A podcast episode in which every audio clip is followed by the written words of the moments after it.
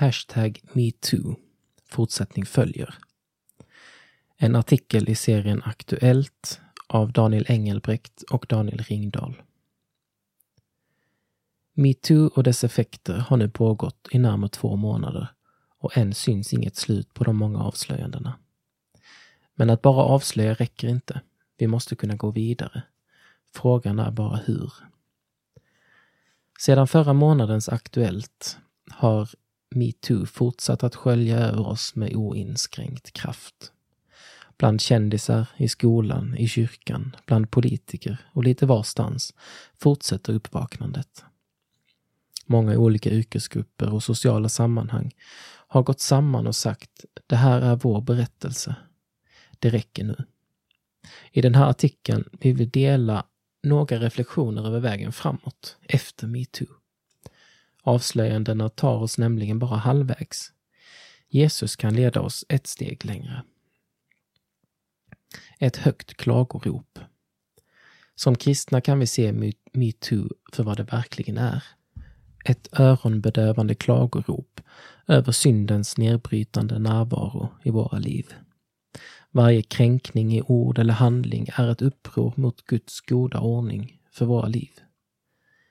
Vi gör rätt i att gråta med offren och tillsammans med dem kämpa för upprättelse och rättvisa. Gud vill oss gott.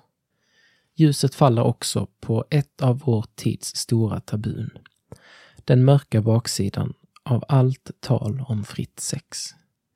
Kristna har länge anklagats för moralpanik när de lyfter fram Bibelns ordningar för sexualitet och äktenskap. Sådana idéer är alltför gammalmodiga och hämmande för en fri och modern människa, menar man. Och samtidigt, om det är någonting som metoo visar, är det att den moderna människan inte behöver befrielse från gränser, utan starka och goda gränser. När Jesus sa den som ser med begär på en kvinna har redan begått äktenskapsbrott med henne i sitt hjärta. Gjorde han skarpast möjliga gränsdragning mellan min och din kropp. Bibelns undervisning finns till för att skydda oss. Först sanning, sedan nåd. Bibeln säger om Jesus att han var full av nåd och sanning. Vad vi ser i metoo är hur debatten avslöjar det djupa mörkret som finns i hela samhället. Det är bra att synden avslöjas och det är bra om avslöjandena kan leda till förändringar i strukturer och relationer så att människor kan känna trygghet och respekt i samhället. Samtidigt är det viktigt att avslöjandena inte stannar vid avslöjanden och fällande domar om vi vill att våra relationer ska förändras i grunden. För att höstens avslöjanden ska kunna leda till bestående förändring måste vi därför komma vidare från sanningen till nåden, från domen till omvändelsen. Först avslöjande, sedan omvändelse. Bibeln proklamerar envist att människors värde inte sitter i deras lyckanden eller misslyckanden, utan i att de är Guds skapelse och återupprättade av Jesus. Korset avslöjar såväl djupet och allvaret i människans synd Gud var tvungen att dö för att betala syndens skuld, som djupet i Guds kärlek. Gud valde att dö för att kunna försona oss med sig. Även om varje synd kan förlåtas av Gud måste vi ta konsekvenserna av våra handlingar, både för vår egen skull och för offrens skull. Men som samhälle och som offer måste vi lära oss att gå försoningens väg. Jesus avslöjar oss inte med sin sanning för att kunna hänga ut oss, utan för att leda oss till omvändelse, förlåtelse och ett nytt sätt att leva. Vi får inte lov att göra våra hjärtan hårda och förskjuta alla problem till de andra.